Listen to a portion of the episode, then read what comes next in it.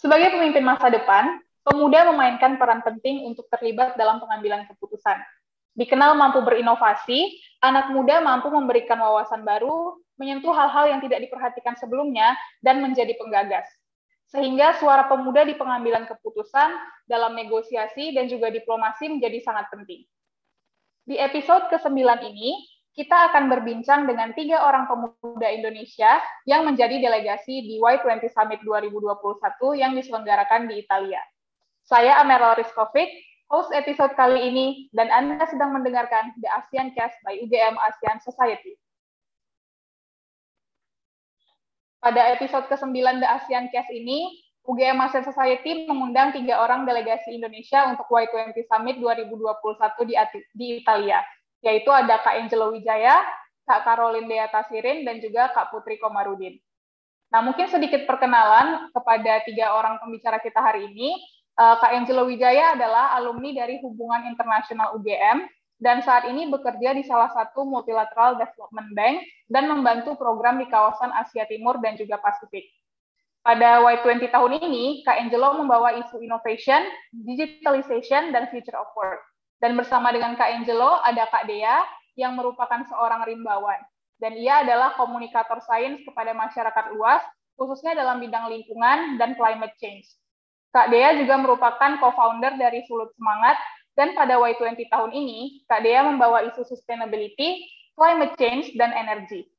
Lalu ada Kak Putri, yang merupakan anggota DPR RI, dan, dan merupakan anggota dari Partai Golkar.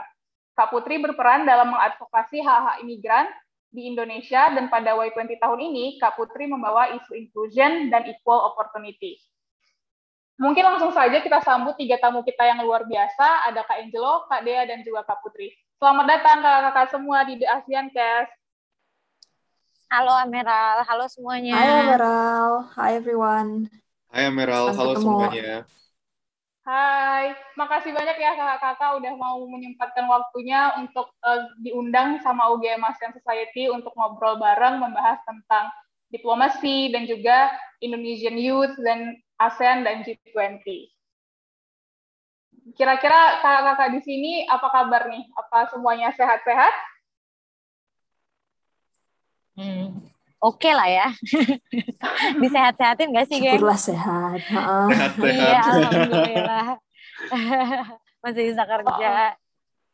Kedengerannya nih lagi ada sibuk-sibuk mengurusi ini ya, uh, mungkin Y20 tahun depan yang akan diadakan di Indonesia. Oke. Mungkin kita bisa masuk ke pertanyaan pertama.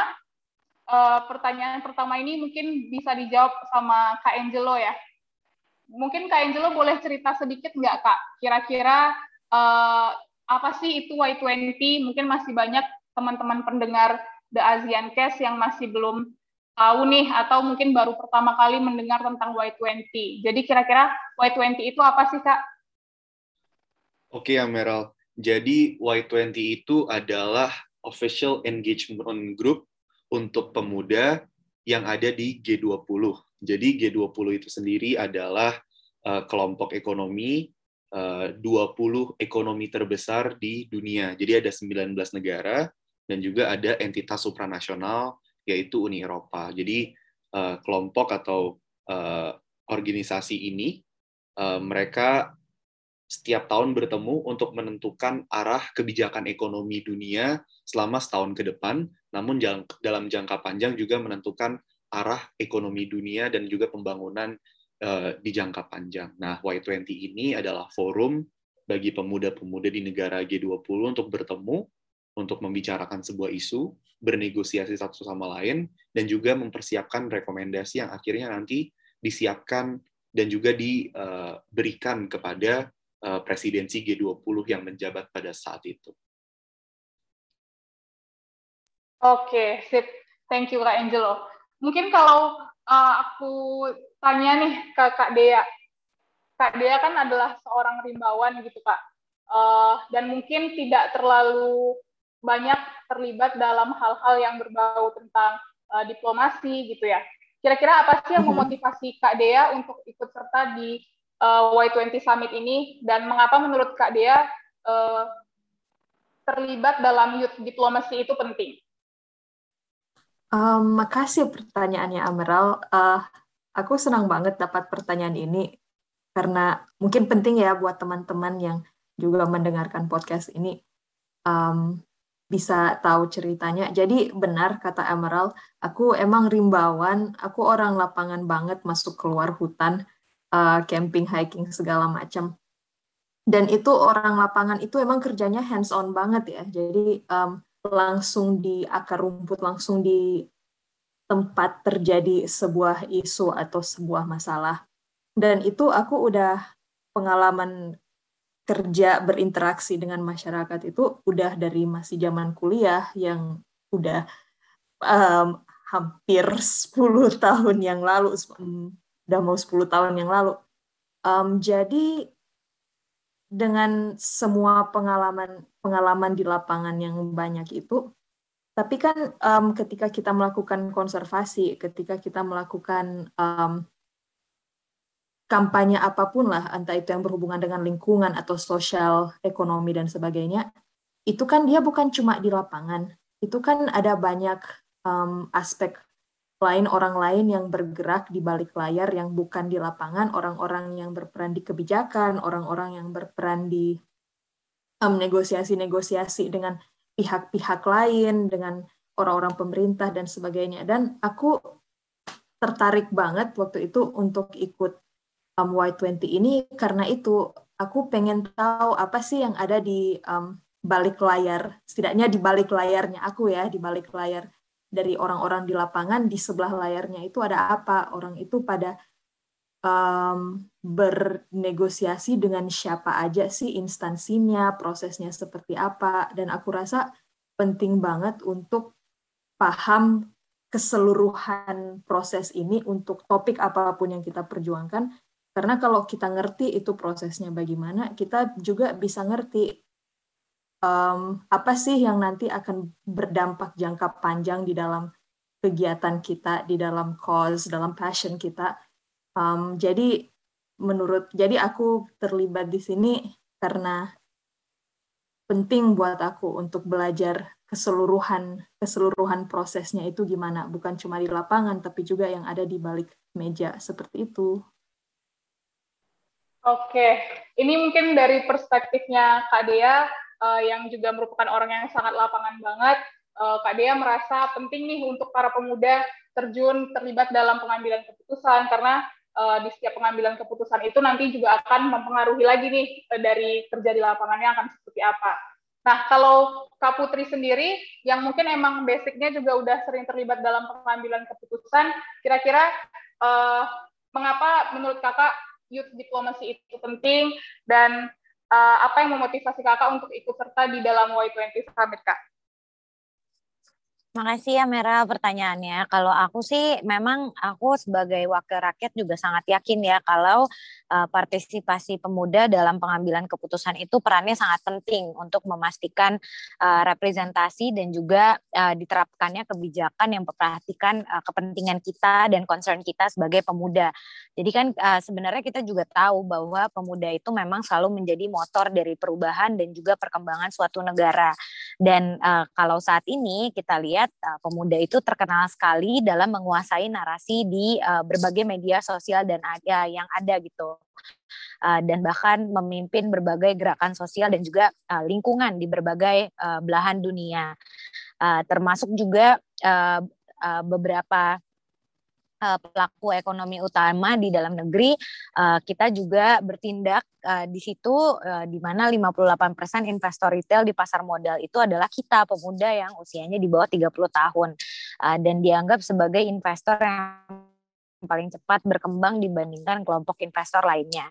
Jadi dengan pengaruh yang semakin besar dan strategis ini tentu uh, representasi kita pemuda-pemudi dan juga keterlibatan aktif uh, dalam pengambilan keputusan di tingkat nasional maupun internasional uh, khususnya melalui ranah diplomasi ini perlu kita uh, apa lumrahkan dan juga semakin didorong. Dan memang sebagai bagian dari golongan pemuda di DPR RI uh, sudah menjadi tugasku untuk memperjuangkan isu-isu pemuda uh, dan memang uh, di samping tentunya uh, kepentingan masyarakat pada umumnya. Dan inilah yang akhirnya menjadi latar belakang keputusan aku untuk mendaftar uh, seleksi dan alhamdulillah juga mendapatkan kesempatan untuk menjadi delegasi pemuda Indonesia dalam Y20. Dan forum ini juga memang memberikan pengalaman dan pengetahuan yang luas mengenai isu-isu kepemudaan dan masyarakat global yang tentu nanti uh, akan mendukung tugas aku di parlemen uh, dan juga dengan semua insights maupun pandangan pemuda yang aku serap uh, ketika mempersiapkan Y20 ini baik itu dari dalam negeri maupun secara internasional uh, tentu akan bisa aku bawa nantinya uh, untuk uh, dijadikan uh, kebijakan gitu faktor-faktor uh, yang akan menjadi bahan pertimbangan ketika uh, uh, kebijakan itu dibahas di Komisi 11 dan juga BKSAP tempat aku bertugas di DPR RI. Uh, begitu Amer. Oke. Menarik banget ya ini uh, yang apa ya yang menjadi motivasinya Putri untuk ikut Y20 dan juga uh, Kak Putri sendiri kan di Y20 tahun ini uh, membahas tentang isu inclusion dan equal opportunity, yang mana ini juga sangat berkaitan erat gitu dengan kepemudaan. Nah, aku jadi penasaran, kira-kira uh, apa aja sih yang kakak-kakak uh, lakukan? Mungkin uh, ke Kak Putri dulu ya, yang Kak Putri lakukan uh, ketika mengikuti Y20, mungkin dari persiapan menuju Y20, selama Y20, dan mungkin setelah Y20, uh, kira-kira apa aja sih yang Kak Putri lakukan? Ini uh, aku yakin Angelo sama uh, apa dia nanti bisa nambahin karena persiapan kita tuh panjang banget dari mulai pertama kali kita direkrut sampai dengan hari ini kita masih secara aktif mempersiapkan uh, Y20 tahun depan juga gitu. Jadi uh, ketika kita direkrut dari mulai bulan April sampai dengan Juni 2021 itu kita mengadakan 11 pertemuan bilateral secara virtual uh, dengan delegasi negara-negara uh, Y20 lainnya gitu. Sebut saja uh, Meksiko, Amerika, Tiongkok, Kanada, Afrika Selatan dan uh, beberapa negara lainnya. Dan memang tahapan pre uh, negosiasi ini kita lakukan untuk membangun komunikasi yang strategis dengan uh, delegasi dari negara lain supaya nanti ketika bertemu di formal uh, negotiation kita sudah bisa berkomunikasi dengan baik dengan mereka. Terus uh, pada bulan Mei itu ada negosiasi pembuka. Uh, di sini kita menyatakan dan juga mendiskusikan masing-masing draft proposal prioritas yang kita ajukan. Uh, dan juga ada uh, rangkaian uh, workshop OECD dan uh, dari UNICEF juga untuk memperkaya pengetahuan dan perspektif kita uh, terkait dengan topik proposal kita masing-masing. Terus dari bulan Juni sampai Juli itu uh, kita uh, mengikuti negosiasi uh, 1 sampai 3 waktu itu ada tiga kali negosiasinya. Semua diadakan secara virtual karena uh, masih pandemi uh, dan uh, beberapa aspek ternyata tidak memungkinkan kita untuk hadir secara fisik di sana. Jadi semua proses yang dari tadi aku ceritakan itu uh, berlangsung secara virtual gitu. Uh, dan di negosiasi itu kita uh, bernegosiasi dan menyetujui proposal-proposal yang akan didiskusikan uh, pada tahap akhir yaitu pada saat summitnya dan ketika summitnya sendiri uh, di bulan Juli lalu itu kita mengikuti serangkaian seminar dan juga workshop umum bersama berbagai lembaga internasional terus ada negosiasi tahap akhir juga di mana di situ kita menyepakati proposal dari setiap track uh, dari inclusion dari ICE dan juga dari innovation untuk uh, menjadi bagian dari Y20 community Communique uh, tahun 2021 ini dan akhirnya kita nanti akan menyampaikannya kepada pimpinan G20. Dan pasca event ini uh, kita sangat sibuk dengan laporan-laporan uh, uh, karena kita harus bikin laporan juga untuk nanti didiseminasikan ke rekomendasi uh, sebagai rekomendasi Y20 2021 kepada pihak-pihak terkait. Dan ini paling penting sebenarnya uh, karena kita akan uh, menyebarkan ini kepada lembaga negara, universitas, praktisi dan juga organisasi kepemudaan di Indonesia supaya nantinya dapat menjadi perhatian semua proposal yang telah diajukan delegasi Indonesia dan akhirnya bisa dilaksanakan oleh pihak-pihak tersebut. Karena tanpa implementasi dari proposal kita tentu uh, kita juga pasti sebagai delegasi akan merasa uh, bahwa kita tidak memainkan peran kita secara maksimal. Jadi uh, setelah ini kita juga kita bertiga harus terus memantau bahwa semua proposal yang kita ajukan di track masing-masing itu memang benar-benar bisa terrealisasikan uh, di masing-masing kementerian, lembaga dan juga industri yang terkait. Mungkin Angelo atau dia ada yang mau ditambahin? Kak Dia mungkin mau menambahkan, Kak? Um, ya, aku bisa nambahin. um, mungkin selain yang udah disebut, yang tadi disebutkan Putri udah lengkap banget. Aku yang bisa aku tambahin mungkin um, kita juga sempat ketemu dengan negara-negara um, delegasi-delegasi negara lain di track kita di dalam sesi-sesi meeting non formal karena ada yang diatur oleh um, tim dari Italia, tim White 20 dari Italia namanya YAS tapi ada juga yang non formal yang diatur oleh kita kita sendiri delegasi-delegasi dalam track. Dan itu juga kesempatan untuk kita udah mulai cicil-cicil bahas negosiasi atau mungkin santai-santai saling mengenal gitu kan sebelum kita masuk ke dalam acara resminya. Dan lumayan asik asik sih um, kita bikinnya itu ada yang bikin tiap minggu pas weekend ada yang tiap dua minggu tergantung kebutuhan dan tergantung um, kesibukan masing-masing delegasi ya karena semuanya kebanyakan full time student atau enggak kerja. Um, kemudian dari diskusi-diskusi kita di coffee chat dalam track kita itu kita udah lihat oh ini nih yang bisa kita ajak diskusi soal sebuah topik proposal. Nanti di antara kita-kita itu misalnya salah satu proposal yang aku ajukan kan tentang ekosistem dan ada empat negara yang tertarik. Jadi aku dari Indonesia, ada Meksiko, Argentina, dan Brasil. Jadi kita berempat udah mulai berembuk nih dari jauh-jauh hari. Bagusnya apa sih yang kita angkat di dalam proposal kita? Apa yang um, kira-kira uh, resonate, um, bisa didukung oleh negara-negara lain yang um, delegasi-delegasi negara lain. Um, selain itu, yang kita lakukan juga itu banyak banget baca laporan, astaga, uh, laporan-laporan um, misalnya untuk aku CBD, Convention on Biodiversity, um, atau laporan-laporan IPCC, laporan-laporan soal waste dan carbon um, carbon tracking dan sebagainya itu banyak banget materi yang perlu kita baca biar nantinya kita bisa menyusun laporan yang um, proposal yang baik dan sesuai dengan keadaan dunia sekarang ini.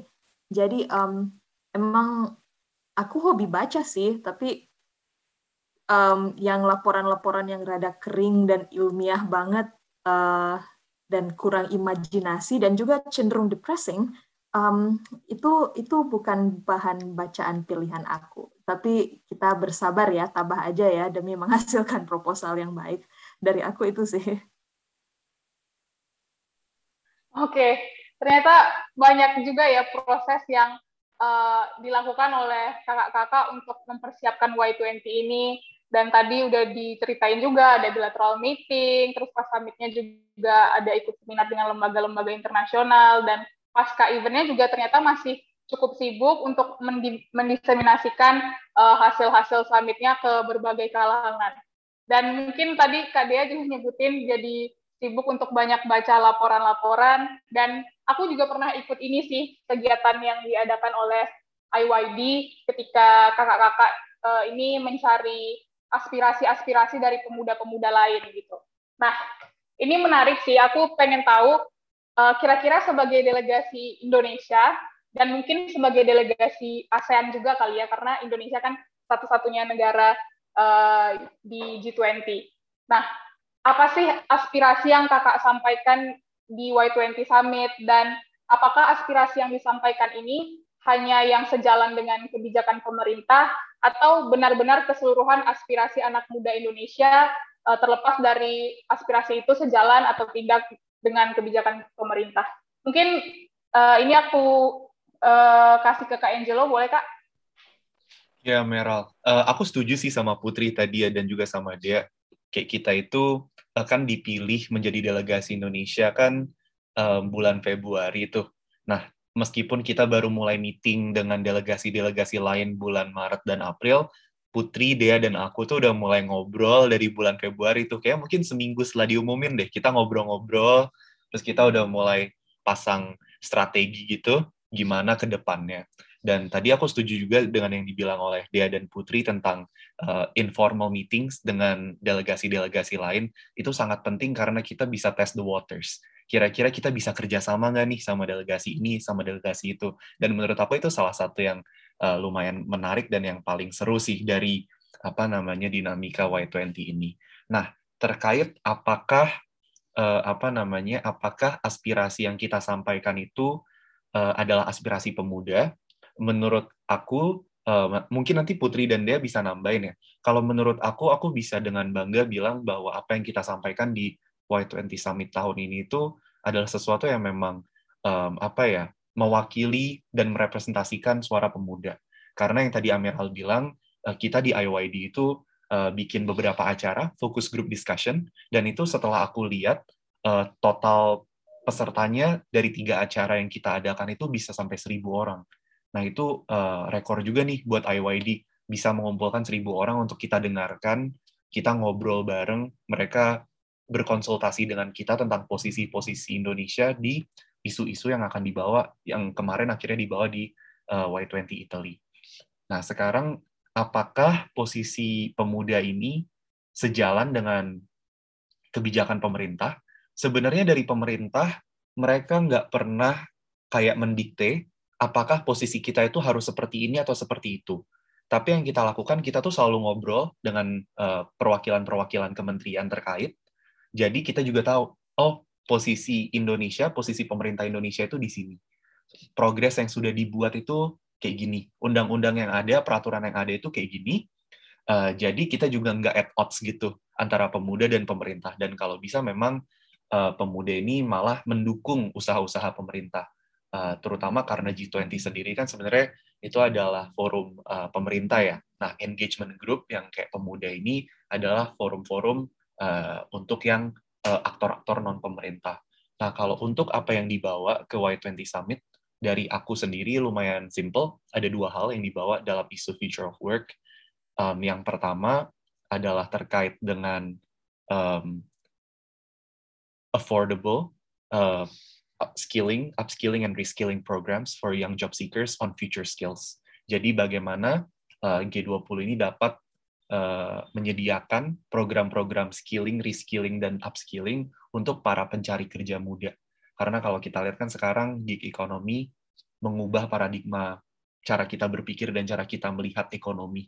Uh, jadi ini sangat penting untuk equip pemuda Indonesia atau pemuda G20 lain dengan keterampilan-keterampilan baru yang bisa membuat mereka itu future proof dan mereka ini bisa tetap uh, terserap di labor market ke depannya. Kita juga di track uh, future of work kita juga membicarakan mengenai social protection yang lebih baik, perlindungan sosial yang lebih baik bagi uh, pemuda, uh, terutama mereka yang bekerja di sektor-sektor informal. Nah, tapi mungkin untuk uh, tracknya Putri yang ada inclusion dan juga tracknya Dea tentang uh, sustainability, climate, dan uh, energy, uh, mungkin kita bisa nanya ke mereka langsung. Oke, mungkin Kak Putri mau menambahkan, Kak? Ya, uh, sepakat banget tadi sama apa yang udah disampaikan sama Angelo, uh, dan memang apa yang kita uh, prioritaskan uh, di proposal itu tuh benar-benar apa yang sudah kita uh, apa ya serap uh, dari uh, pemuda-pemudi melalui FGD survei dan lain-lain itu. Karena memang tahapannya kita bikin uh, serigid dan juga sekomprehensif mungkin supaya nanti uh, kita bisa mempertanggungjawabkan kalau ini kita memang merepresentasikan uh, suaranya pemuda Indonesia gitu. Uh, dan di uh, track uh, inklusi dan juga kesetaraan kesempatan akhirnya kita uh, apa uh, finalisasi ketiga uh, proposal prioritas karena memang cuma bisa ngajuin tiga uh, di situ uh, uh, yaitu inklusi di bidang politik, pendidikan dan uh, dan juga keuangan.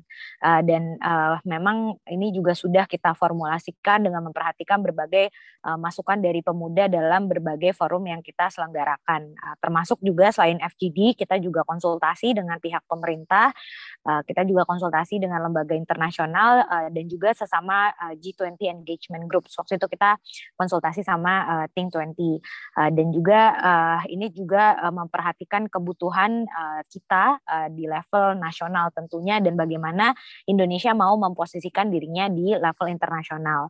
Jadi kalau yang uh, pertama uh, proposal aku di uh, inklusi politik itu uh, kita mengajukan untuk memastikan representasi efektif pemuda dalam pengambilan keputusan, uh, yaitu melalui pemberlakuan kuota untuk pemuda pada kantor-kantor administrasi publik, terus juga dukungan fiskal untuk pemuda berkampanye dalam kontestasi politik karena berdasarkan pengalaman juga aku tahu bahwa salah satu uh, drawbacknya pemuda masuk ke dalam ranah politik ya memang uh, kebutuhan akan uh, modal itu yang sering kali kita tidak punya.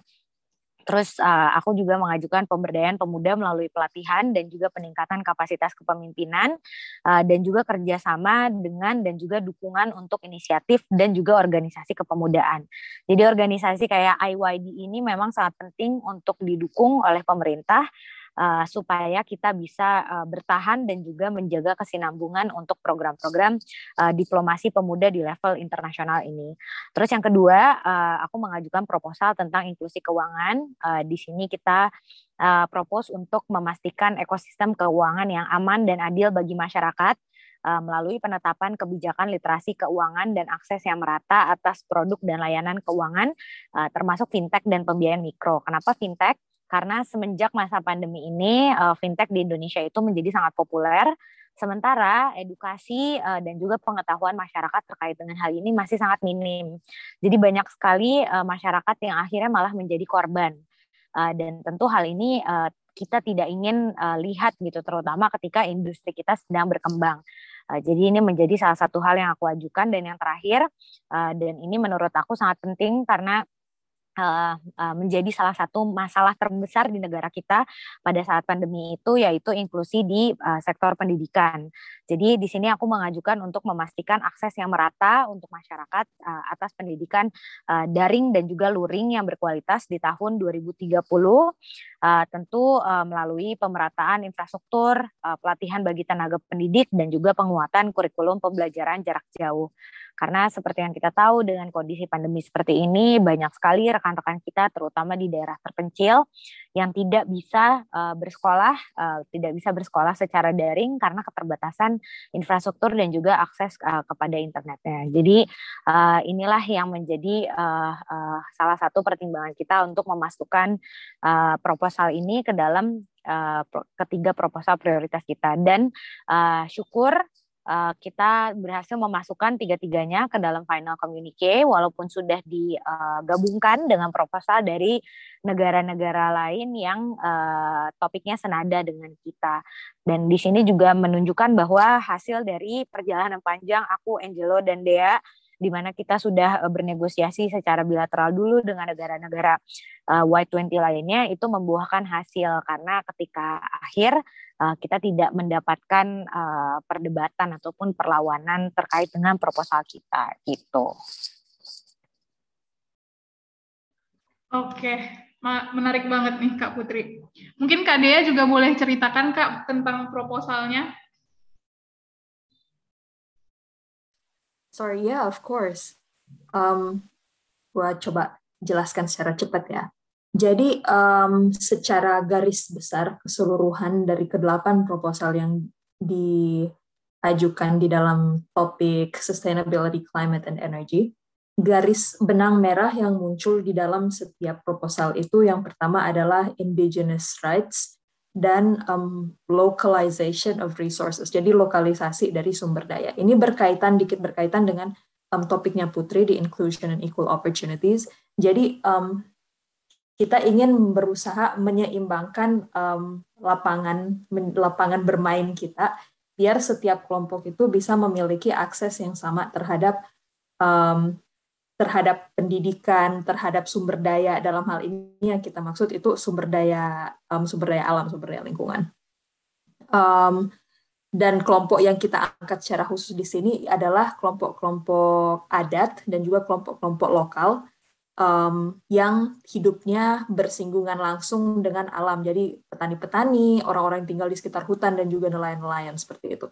Benang merah yang lain adalah um, bagaimana kita bisa memfasilitasi anak muda di dalam um, dalam dunia yang berubah ini. Jadi ini bersinggungan sedikit juga dengan topik Angelo. Jadi um, bagaimana kita bisa memberikan kesempatan kepada pemuda di dalam dunia yang ingin kita geser dari ekonomi yang berat di karbon ke ekonomi yang ringan karbon, from fossil fuels ke energi terbarukan dan sebagainya, bagaimana supaya anak muda itu bisa mengikuti perubahan tersebut, dan bagaimana supaya science, technology, innovation juga bisa terus mengikuti dan mendukung perubahan-perubahan seperti itu. Kalau dari aku pribadi, topik yang aku angkat, yang paling pertama dan yang paling gede aku rasa kontribusiku adalah proposal mengenai ecosystems. Jadi kita di Indonesia ini kaya banget ya akan ekosistem baik darat maupun lautan. Dan penting banget ekosistem-ekosistem ini dilindungi biar pertama sumber daya alam kita tetap terjaga. Banyak kan yang kita ambil dari alam, kita ambil air, udara bersih dan sebagainya. Kita perlu melindungi ekosistem-ekosistem tersebut biar kita sebagai suatu masyarakat itu semua tetap berfungsi sebagaimana kita sekarang. Jadi itu yang langkah yang pertama adalah melindungi ekosistem kita. Um, bagaimana kita melindungi apa yang sudah dilindungi dan kita menambah um, ekosistem ekosistem yang sekarang mungkin belum ada perlindungan secara resmi. Bagaimana caranya supaya mereka bisa mendapat sebuah bentuk perlindungan um, demi kesejahteraan kita bersama ya kan. Kemudian poin yang berikut yang um, aku angkat adalah mengenai ekonomi sirkuler dan um, penanganan limbah. Jadi um, udah pernah dengar mungkin teman-teman kasus soal um, Indonesia itu salah satu penghasil sampah plastik terbesar di lautan atau um, pernah dengar isu impor Indonesia impor-impor sampah yang begitu-gitu. Jadi um, limbah sampah sampah plastik terutama itu masalah besar banget di Indonesia, seluruh dunia juga sih. Dan ini um, menjadi lebih genting kalau kita menyadari bahwa semua plastik ini, semua sampah ini kita ambil dari alam pada suatu titik, tapi kita nggak balikin. Jadi kita ngambil-ngambil terus, terus akhirnya ditumpuk di tempat pembuangan akhir. Terus gimana loh gitu jadinya. Jadi kita perlu sebuah kesepakatan kita bagaimana caranya supaya kita memotong limbah kita, kita memperbaiki cara kita menggunakan sumber daya biar dia itu terus di dalam siklus produksi gimana dia itu dipakai-pakai terus sebisa mungkin nggak ada yang kita buang karena barang itu kalau sudah dibuang kan udah mau diapain lagi udah udah udah sesuatu yang orang nggak mau sentuh-sentuh lagi. Bagaimana supaya kita bisa menghindari barang itu dibuang dan dia itu tetap berdaur tetap dalam ekonomi sirkuler dari produsen ke konsumen balik lagi produsen terus ke konsumen dan gitu-gitu terus sampai sampai barangnya itu sumber dayanya itu benar-benar habis habis sehabis habisnya gitu. Terus poin terakhir yang aku angkat itu berkaitan dengan um, energi terbarukan kita bergeser dari um, bahan bakar fosil ke bahan ke sumber energi yang terbarukan dan bagaimana caranya supaya perekonomian kita itu bisa memotong bisa berkurang karbon-karbonnya itu loh. Jadi bagaimana supaya transportasi, sistem distribusi kita itu bisa berkurang karbonnya, bagaimana supaya produksi kita di berbagai macam industri itu bisa decarbonized, bisa semakin berkurang karbonnya. Karena mungkin kalau teman-teman familiar dengan laporan IPCC yang keenam, um, yang keluar pertengahan Agustus lalu, uh, laporannya itu suram guys. Kita ini udah masuk di krisis iklim loh dan kalau kita nggak bikin apa-apa ya udah kita say kita kita say goodbye dalam uh, tiga empat dekade terakhir. Um, jadi bagaimana caranya supaya kita proposal yang kita ajukan adalah bagaimana kita bisa menetapkan target-target yang ambisius mengenai pergeseran kita ke energi terbarukan, kita menjauh dari fossil fuel, kita tekan karbon di dalam sektor-sektor industri kita dan bagaimana supaya ya setidaknya krisis iklim kita itu enggak separah yang mungkin terjadi kalau kita business as usual kayak sekarang. Um, dari aku itu aja sih. Oke, ternyata tuh aspirasinya uh, adalah aspirasi yang disampaikan oleh anak-anak muda juga dan kakak-kakak ini uh, sebelum mempersiapkan proposalnya itu juga mengadakan berbagai FGD bersama dengan Eh, pemuda-pemuda lain di seluruh Indonesia dan bahkan juga uh, mengundang organisasi-organisasi uh, atau komunitas-komunitas kepemudaan lain untuk membahas isu-isu yang masing-masing kakak-kakak ini bawa buat Y20. Dan tadi mungkin juga udah diceritakan bahwa ada banyak tantangan nih dari isu-isu yang dibahas, tapi tantangan ini juga menjadi suatu peluang karena uh, akhirnya kakak-kakak juga bisa memberikan ide atau solusi-solusi yang harus dibawa dalam proposalnya itu. Nah, karena ini kita membicarakan tantangan dan peluang, uh, kira-kira nih apa sih tantangan dan peluang yang kakak-kakak alami di Y20 Summit? Jadi uh, dalam summitnya itu sendiri menemukan kendala kah dan kendala seperti apa yang ditemukan dan ya bagaimana kakak-kakak uh, menangani kendala-kendala uh, semacam itu apa apalagi Y20 Summit ini kan nanti ketemu dengan orang-orang lain dari berbagai negara di dunia gitu. Mungkin bisa ke Kak Putri dulu, Kak. Ya, makasih ya Meral. Uh, kalau buat aku tuh sebenarnya yang menjadi uh, tantangan tapi sekaligus pelau, uh, peluang ya buat aku tuh uh, bagaimana kita memastikan berbagai proposal prioritas kita uh, bertiga itu bisa masuk dalam rekomendasi akhir. Karena uh, tentu menjadi peluang karena melalui rekomendasi akhir ini uh, berbagai rekomendasi yang kita perjuangkan nantinya bisa menjadi perhatian uh, terus diakuin juga dan juga diwujudkan oleh kepala negara G20 dan juga seluruh uh, komunitas masyarakat global. Tapi juga menjadi tantangan karena memang setiap delegasi Y20 dari negara anggota lain juga memiliki uh, prioritas masing-masing yang tentu perlu kita konsolidasikan bersama uh, supaya akhirnya kita bisa mencapai suatu rekomendasi akhir yang disepakati oleh seluruh uh, delegasi. Dan tentu uh, ini pasti Angelo sama dia juga sepakat sama aku di sini karena sangat tidak mudah untuk uh, mencapai kesepakatan tanpa melalui proses uh, negosiasi yang panjang uh, dan tentu uh, yang kita pahami bersama gitu. Karena Uh, maka dari itu juga uh, delegasi kan juga telah memulai negosiasi jauh sebelum summit dimulai. Jadi di situ kita bisa memahami kebutuhan, perbedaan dan juga persamaan dari masing-masing uh, prioritas negara.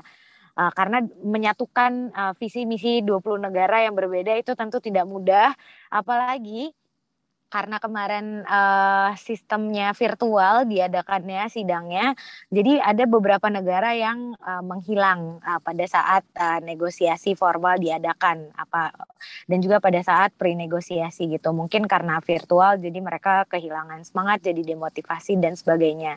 Jadi uh, dengan negara yang tersisa, akhirnya kita berusaha untuk menemukan titik temu antar prioritas dari setiap uh, delegasi yang akhirnya dapat kita capai dan juga wujudkan dalam rekomendasi akhir di penghujung summit. Dan dari sini kita akhirnya belajar bahwa pemuda pemuda-pemuda global ini uh, paling tidak melalui pemuda di negara G20 uh, kita semua memiliki kepentingan kolektif yang memang perlu sama-sama kita perjuangkan uh, baik itu melalui pemerintah negara masing-masing, organisasi regional maupun juga secara internasional. Mungkin Angelo atau uh, Dea ada yang mau ditambahin? Kak Angelo mungkin ada yang mau ditambahin Kak? Um, iya, aku sepakat dengan Putri. Kalau dari aku mungkin tantangannya itu threefold ya. Uh, yang pertama berhubungan dengan COVID, yang kedua berhubungan dengan 75 kata, yang ketiga berhubungan dengan Global South dan Global North. Mungkin aku yang ke pertama dulu ya, COVID. Tapi sama dengan yang Putri sampaikan tadi sih, peluang ini juga, eh sorry, tantangan ini juga menjadi peluang. Jadi karena COVID, um, kita itu jadinya virtual kan, jadi mungkin uh, ketika negosiasi berhadapan dengan delegasi lain, itu rasanya beda ya ketika uh, virtual dan ketika ketemu langsung. Biasanya kalau ketemu langsung lobby-lobbynya lebih seru gitu-gitu. Ketika virtual hal-hal tersebut tidak bisa terjadi. Cuman kenapa jadi peluang? Karena persiapan kita di stretch jadi lebih panjang. Jadi dari Februari Putri Dea dan aku udah mulai meeting-meeting-meeting, ngobrol-ngobrol-ngobrol, siapkan strategi ke depan kita mau ngapain. Dan um, tadi uh, on top of the FGD yang kita sudah lakukan dan kita berhasil menjaring uh, seribu uh, aspirasi pemuda Indonesia, kita itu juga ada kerjasama dengan uh, UNICEF Indonesia untuk bikin survei. Dan di survei tersebut kita bisa mengcapture lebih dari 6.000 aspirasi pemuda. Nah itu juga sesuatu yang uh, aku yakin delegasi tahun ini juga bangga karena kalau di tahun-tahun sebelumnya kita itu either pakai surveinya UNICEF atau kita pakai independent survey. Nah, tahun ini kita bikin independent survey dari IYD dan kita uh, apa namanya kerjasama dengan UNICEF juga. Dan dan aku yakin hal seperti ini tuh bisa terjadi karena COVID. Jadi ini peluang gitu ya. Nah, mungkin yang kedua itu kan berhubungan dengan 75 kata. Nanti mungkin Putri dan Dea juga bisa menambahkan. Jadi itu kita di Y20 ini cuma bisa ini Ameral, kita cuma bisa kasih proposal, satu proposal panjangnya 75 kata. Dan masing-masing delegate dari tiap negara di masing-masing topik itu awalnya boleh kasih tiga proposal. Jadi aku bikin tiga proposal dengan maksimal masing-masing 75 kata.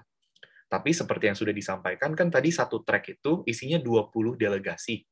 Jadi kamu bisa bayangkan ada 20 kali 3 kali 75 kata.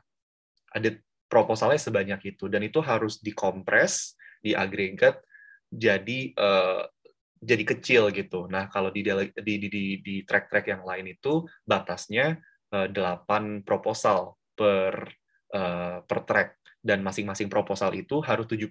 Jadi bisa dibayangkan dari yang seberapa banyak jadi sedikit. Nah, kebetulan di track aku ini ceritanya lumayan menarik.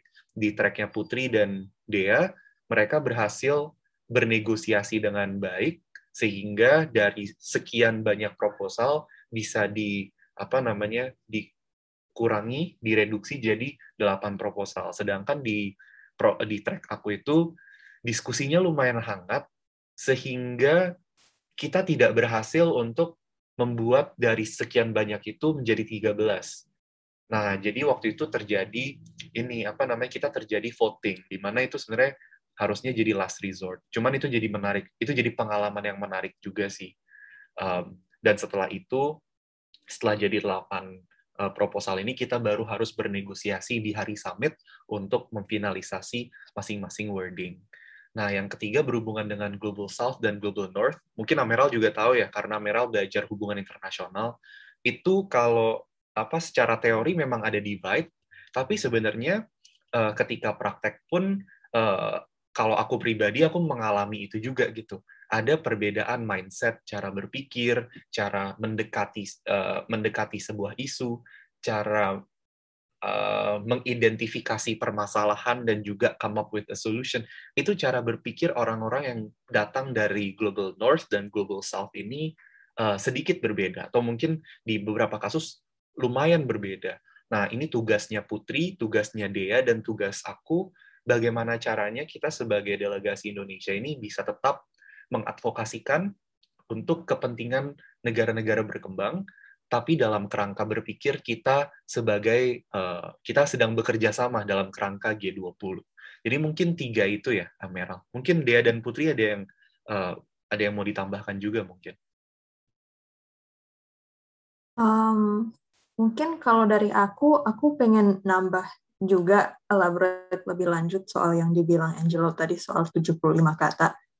Um, beberapa kali saat kita menyusun proposal itu kita berpikir ini kita ini sedang bikin tweet nggak sih? Saking pendeknya loh itu proposal itu. Um, dan di satu sisi itu kita tantangan buat kita itu begitu banyak masalah yang ingin kita tanggapi di dalam communique ini. Tapi nggak bisa kita tanggapi semua gara-gara batasan kata-kata ini jadi kita di track SCI itu kita semua rata-rata sepaham sih soal apa yang isu-isu yang penting untuk diangkat. Jadi soal um, soal fossil fuels, um, bahan bakar fosil dan sebagainya. Um, bagaimana kita bergeser, bagaimana kita um, mendistribusikan sumber daya dan fasilitas untuk renewable energy di antara masyarakat itu kita semua sepaham ya. Tapi kalau katanya nggak cukup bagaimana? Mau nggak mau itu harus ada yang kita pangkas. Um, dan itu diskusinya aku bilang diskusi ya bukan debat karena kita semua sadar semuanya penting. Um, diskusinya itu lumayan alot bagaimana kita mengkompres jadi 75 kata. Tapi di sisi lain peluang yang kita dapatkan sih um, gara-gara ringkas banget kita jadi emang harus to the point banget. Nggak ada ruang untuk berbunga-bunga. Kita harus langsung gini masa eh masalah yang kita address ini yang kita propose ini ini ini dengan metrik yang seperti ini.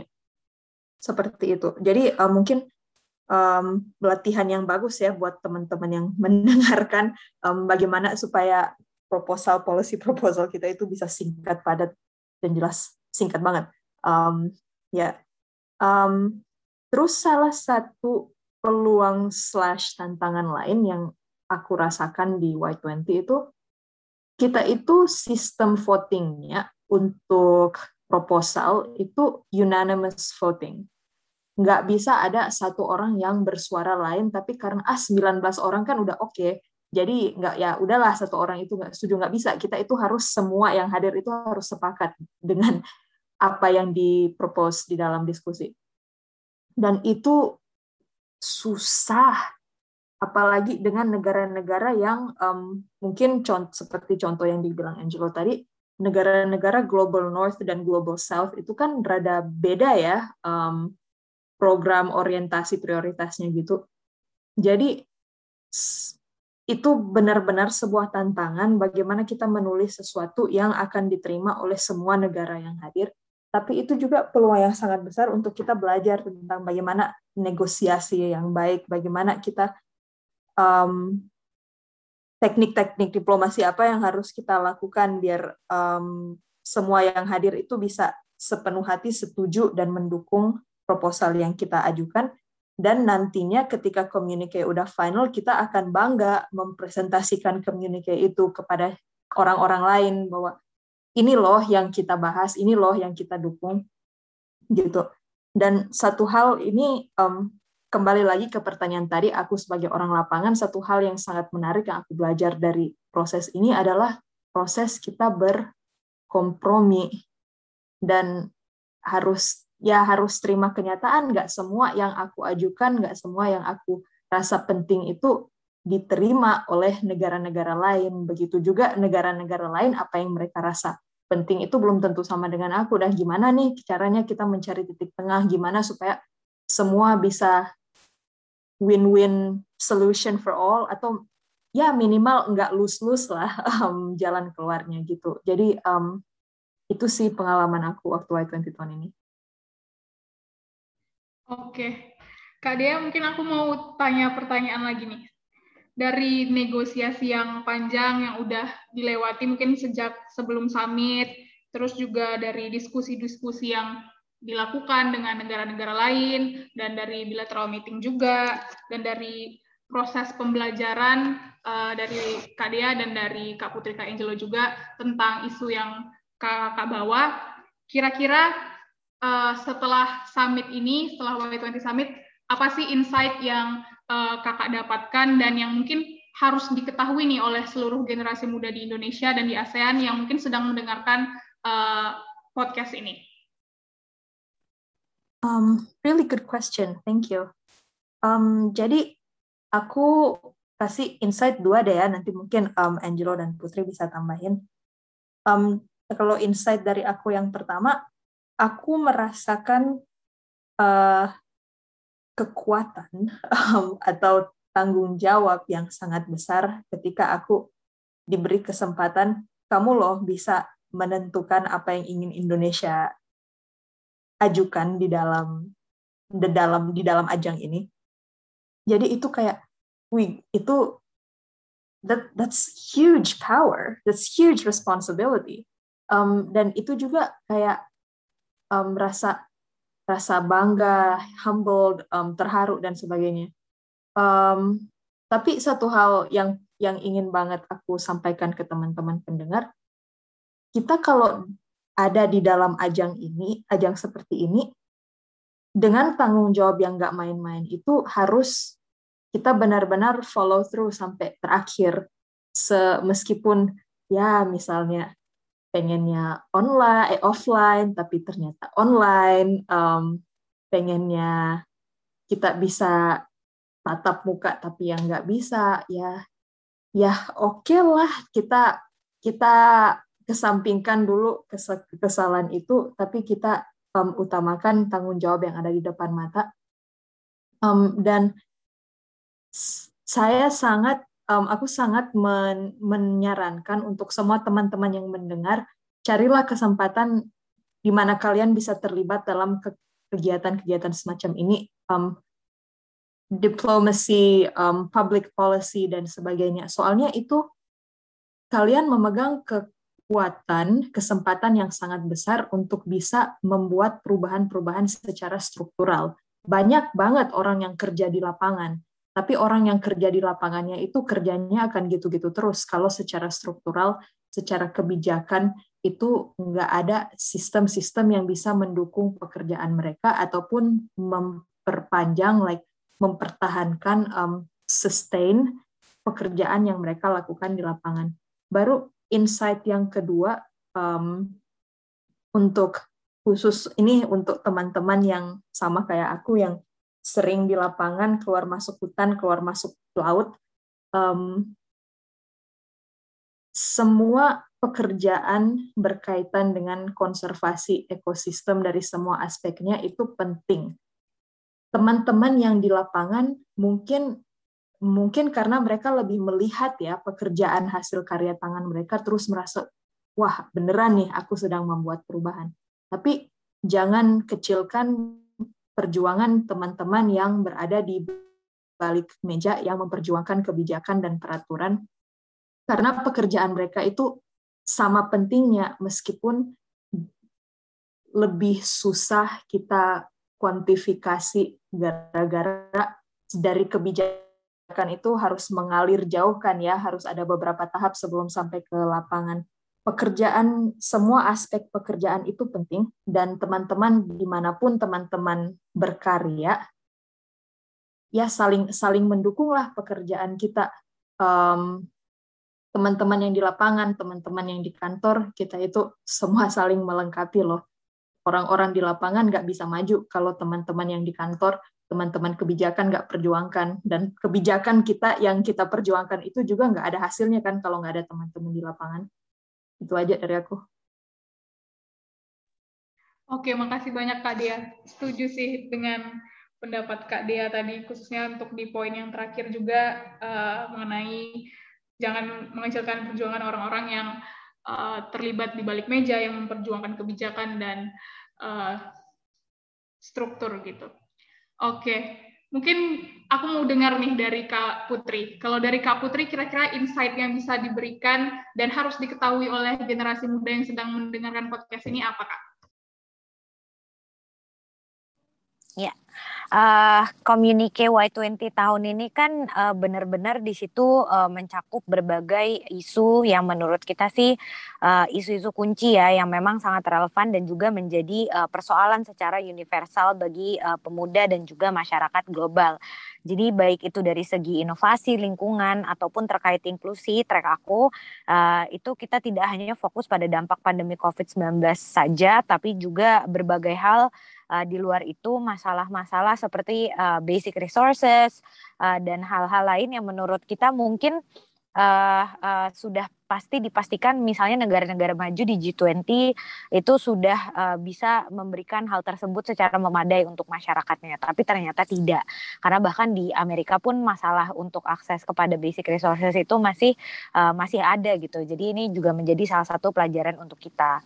Uh, dan kalau di track inklusi sendiri juga kami uh, di situ menyoroti uh, bagaimana terus terjadinya diskriminasi dan juga uh, kesenjangan dalam segala uh, aspek kehidupan. Uh, dan ini juga semakin diperdalam dan juga uh, diperparah ya bisa kita bilang uh, karena pandemi ini makanya di situ uh, Y10, uh, Y20 uh, kita sebagai delegasi Y20 juga mendorong uh, pemerintah G20 untuk uh, mengatasi kesenjangan ini dan juga mendorong upaya-upaya untuk memperkuat inklusi itu sendiri di masyarakat gitu. Uh, jadi uh, kelompok rentan seperti perempuan, penyandang disabilitas, masyarakat adat dan pengungsi uh, dan juga kita sebagai pemuda itu memiliki kesempatan yang setara dalam segala aspek kehidupan. Uh, maka dari itu uh, rekomendasi rekomendasi kita dalam track inklusi itu berfokus pada delapan sektor utama, uh, yaitu kesehatan, pendidikan, akses pemuda untuk mendapatkan pekerjaan, kesetaraan dalam pasar tenaga kerja, pelayanan dasar, inklusi finansial, pemberdayaan pemuda, dan juga hak asasi manusia. Jadi ini benar-benar menjadi contoh bahwa uh, ketika pemuda-pemuda uh, yang berkomitmen untuk memperbaiki apa yang terjadi di negaranya ataupun secara global uh, disatukan itu memang kita bisa berkolaborasi dan juga bekerja sama dengan baik untuk menghasilkan sesuatu yang memang benar-benar uh, kita harap ya insya Allah bisa mem, uh, membawa dampak yang baik gitu bagi dunia ke depannya.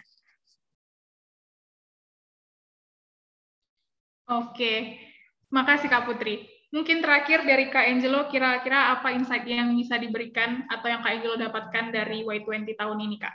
Mhm. Tadi selama Dea dan Putri menjawab, aku tuh berusaha keras untuk berpikir apa ya insight-nya. Ini juga pertanyaannya lumayan kaget. Um, mungkin aku sekarang bisa berpikir uh, ada dua yang bisa menjadi insight gitu ya. Yang pertama lebih ke a more positive and optimistic note. Yang kedua less optimistic, tapi itu uh, apa namanya harus menjadi dorongan buat kita sebagai pemuda Indonesia untuk uh, berusaha lebih lagi. Aku mungkin mulai yang pertama dulu ya. Yang pertama itu lebih ke apa ya? It's a very humbling experience and opportunity bagi kita bertiga, Putri, Dea, dan aku. Tahun ini kita bisa mewakili Indonesia di Y20. Di mana Y20 itu adalah memang benar-benar sebuah meja negosiasi terbuka untuk pemuda, um, dan kita bisa menyampaikan sesuatu ke para uh, head of government and head of state uh, members of G20. Jadi ini bukan uh, apa namanya simulasi atau model conference. Jadi this is real gitu kan. And I think it's a very humbling experience. Um, dan di Y20 ini kita banyak avenue ketika kita punya ide atau proposal dan kita ingin mengubah atau kita pengen affect atau change policy making process at the G20 level, itu kita ada banyak avenue, nggak cuma satu kita lewat the official Y20, tapi ternyata channelnya banyak sekali, Ameral. Jadi pertama memang melalui channel yang formal, the Y20 itself, tapi ternyata kita juga bisa ngelobi pemerintah ataupun G20 itu melalui avenue-avenue yang lain. Yang pertama, kita itu sering banget meeting dengan G20 Sherpa. Sherpa ini apa? Dia tuh kayak duta besarnya Indonesia untuk G20. Nah, kita itu sering banget nih uh, di-engage dengan mereka dan kita juga ngundang mereka gitu sehingga apa yang kita sampaikan itu tersampaikan langsung ke para bapak-bapak di kantor Sherpa. Uh, dan itu kan berarti langsung disampaikan ke presidensi G20 dan juga ke uh, istana. Lalu yang kedua ada juga track uh, engagement group. Jadi Y20 bersama dengan engagement group yang lain ada Women 20, Business 20, Eh, dan yang lain-lain itu kita juga bisa nitip proposal kita ke mereka. Dan yang ketiga, working group itu adalah eh, kelompok-kelompok yang ada di bawah kementerian. Kita juga bisa nitip itu ke sana. Menurut aku, dengan sistem yang sangat robust ini, it's a very humbling uh, experience untuk bisa uh, mewakili suara pemuda Indonesia. Nah, yang kedua, it's less optimistic, tapi ini harus bisa uh, mendorong pemuda Indonesia untuk semakin aktif lagi. Jadi kalau kita lihat ya di negara-negara maju, ya terutama mereka yang tergabung di OECD, itu mereka punya governing body kayak advisory body itu isinya pemuda-pemuda dari negara OECD, di mana Indonesia itu bukan member, itu mereka bisa memberikan advice langsung ke para pimpinan OECD. Nah, Indonesia ini uh, apa namanya nggak tergabung di situ, jadi kita nggak punya channel ke situ. Nah, ini memang less optimistic, tapi ini seharusnya bisa mendorong pemuda Indonesia untuk aktif di channel-channel dan platform lain terutama karena misal tahun depan gitu ya Indonesia jadi host dan Indonesia adalah satu-satunya negara ASEAN yang ada di G20. Jadi ini menjadi uh, sesuatu yang menurut aku malah sebuah peluang gitu di di di, tengah-tengah sebenarnya adanya tantangan ketika Indonesia itu nggak di-include di OECD contohnya. Jadi kurang lebih dua itu Ameral insight dari aku. Oke, okay, thank you Kak Angelo. Karena tadi Kak Angelo sempat menyinggung juga kalau Indonesia akan jadi host dari Y20 Summit tahun depan. Nah, kira-kira apa sih menurut Kak Angelo yang bisa menjadi kontribusi bagi anak-anak muda Indonesia untuk menyambut Y20 Summit yang akan diadakan di Indonesia tahun depan? Atau mungkin uh, apa yang ingin Kak Angelo sampaikan kepada anak-anak muda Indonesia uh, untuk berkontribusi melalui jalur apa pun, tidak hanya Y20, tapi juga ikut terlibat dalam uh, pengambilan keputusan dan juga diplomasi. Sorry, Amel, was it for me? Iya, betul. Um, kontribusi anak-anak muda Indonesia untuk menyambut tahun depan ya, Ame ya? Iya, benar. Sebenarnya hmm, ada banyak yang bisa dilakukan. Yang pertama, menggaungkan informasi bahwa oke, okay, uh, Indonesia ini akan menjadi tuan rumah G20 tahun depan dan juga otomatis jadi tuan rumah Y20 tahun depan. Jadi menggaungkan itu di immediate environment di teman, di keluarga, di kampus, di mana pun itu ya. Lalu yang kedua, promotional content. kalau IYD bikin acara untuk menyambut presidensi tahun depan, ikut. Nah, itu cara kedua untuk uh, berkontribusi. Lalu yang ketiga, mumpung di sini ada para ibu-ibu ketua, uh, para ibu ketua pemilihan seleksi delegasi tahun depan, ada Putri dan Dea. Uh, jadi kalau nanti suatu saat, beberapa waktu lagi, seleksi delegasi sudah dibuka, itu adalah cara yang uh, sangat bagus juga untuk berkontribusi untuk uh, presidensi Indonesia tahun depan. I'm sorry if I steal your points, guys. But ya, yeah, mungkin dia sama Putri punya apa namanya punya punya punya masukan juga untuk pertanyaan ini.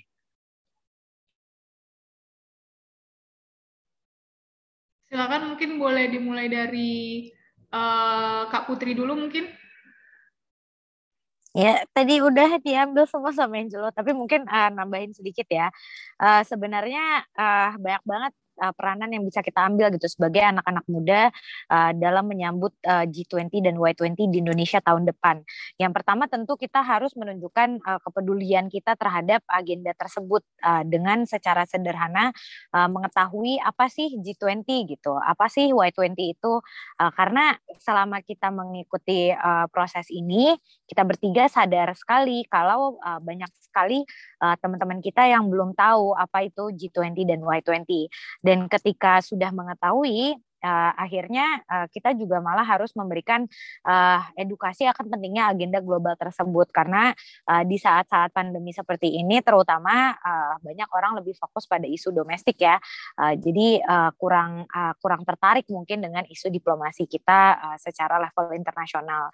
Makanya harapannya uh, semakin banyak anak muda yang mengetahui uh, itu nanti bisa juga mau tertarik untuk terlibat uh, untuk mengikuti agenda besar kita di tahun depan Uh, dan kedua, tadi sudah Angelo sampaikan dengan sangat baik, uh, terlibat. Uh, jadi kita ini juga mengajak teman-teman untuk terlibat dengan mengikuti seleksi sebagai delegasi atau perwakilan Indonesia uh, pada agenda uh, G20 ini karena memang uh, sebagai informasi tambahan dari yang tadi udah disampaikan Angelo juga uh, seleksi ini nantinya akan diselenggarakan oleh uh, Indonesia Youth uh, Diplomacy uh, dengan beberapa tahap penyaringan yang tentu sangat berbeda daripada uh, tahapan seleksi di tahun-tahun uh, sebelumnya termasuk di tahun kita bertiga nih. Jadi uh, kalau ada yang berminat nanti menjadi delegasi pasti nanti akan mengalami uh, uh, sesuatu yang uh, sangat uh, remarkable dan mungkin uh, jadi pengalaman paling menarik uh, yang bisa teman-teman dapatkan gitu. Uh, dan uh, tentu nanti ketika kita akhirnya bisa menjadi delegasi, uh, kita bisa bertemu dengan berbagai uh, elemen masyarakat, uh, komunitas pemuda dari berbagai pelosok di Indonesia, uh, thanks to technology. Uh, jadi kita bisa uh, tahu gitu uh, keadaan ataupun kondisi teman-teman kita di berbagai uh, belahan Indonesia uh, dan tidak uh, fokus pakai kacamata kuda di dunia kita sendiri. Itu sih sebenarnya yang paling penting. Dan uh, dengan peranan kita sebagai Presiden G20 di tahun uh, 2000, 2022 nanti, uh, tentu uh, peranan kita sebagai pemuda-pemudi Indonesia ini akan semakin diperlukan uh, khususnya dengan berpartisipasi aktif dalam mengawal pelaksanaan kebijakan uh, pemerintah dan G20 itu sendiri. Karena sebagai tuan rumah, ya, tentu kita sebagai pemuda Indonesia perlu memastikan bahwa uh, keterwakilan dan juga partisipasi anak muda nanti dapat ditemukan pada setiap tingkatan uh, dan juga pada setiap jenis pertemuan dalam rangkaian acara G20 nanti.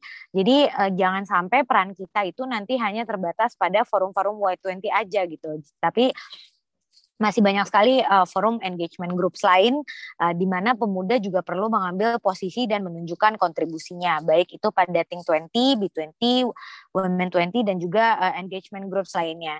Jadi diharapkan presidensi Indonesia tahun depan ini dapat mewujudkan uh, prinsip inklusi uh, dan kesetaraan kesempatan yang menjadi uh, salah satu topik di tahun ini uh, dalam penyelenggaraan event yang juga dapat uh, tercermin nantinya dalam kesepakatan yang kita ambil gitu. Oke, sip. Makasih banyak Kak Putri. Mungkin Kak Dea mau ada yang ditambahkan, Kak?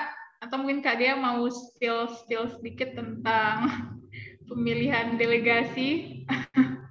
Silakan Kak Dea. Hmm. um, ya, yeah, basically I'm, aku akan echo aja yang udah dibilang oleh Angelo sama Putri. Um, benar kesempatan ikutan tidak sebagai delegasi Y20 tahun 2022 mewakili Indonesia itu kesempatan yang bagus banget. Um, kita bisa mewakili negara kita, kita bisa mengajukan isu-isu yang penting bagi kita, benar banget itu salah satu kesempatan yang sangat baik. Um, tapi selain dari itu juga, seperti yang juga udah dibilang oleh Putri dan Angelo, setiap dapat kesempatan untuk kalian bisa terlibat di dalam engagement groups lain di dalam G20, sambar aja. Um, kalau di IYD mungkin gampang ya um, pantengin infonya karena kita kan aktif di um, aktif di Instagram di sosial media. Mungkin teman-teman bisa cari sosmed-sosmed dari work, um, engagement group atau working group lain. Kalau ada kesempatan um, konsultasi publik atau kesempatan survei dan sebagainya, um, bagaimana caranya supaya teman-teman bisa memberikan suara di dalam proses pengumpulan data mereka atau dalam proses negosiasi mereka. Kalau dapat kesempatan ambil aja guys. Um, suara suara kalian itu nanti kalau digaungkan, kalau disuarakan dengan cukup lantang nanti juga akan terdengar. Jadi um, semangat ya. Oke, ternyata belum ada bocorannya nih dari Kak Dia. Belum, sabar. Oke, sebenarnya itu udah pertanyaan terakhir. Uh, sekali lagi terima kasih banyak kakak-kakak udah mau berbagi dan ceritain pengalamannya terlibat dalam Y20 Summit. Uh, ternyata seru juga dan ada banyak tantangan juga yang dihadapi oleh kakak-kakak. Dan tapi sayang banget uh, meskipun pembicaraannya ini cukup seru, tapi kita harus uh, mengakhiri obrolan ini karena keterbatasan waktu juga. Dan di episode kali ini kita udah mengeksplorasi banyak hal mengenai pengalaman tiga delegasi Indonesia untuk Y20 Summit 2021 mengenai apa itu Y20, apa pentingnya youth diplomacy, dan bagaimana kakak-kakak ini mempersiapkan kontribusi terbaik mereka untuk Y20 tahun ini.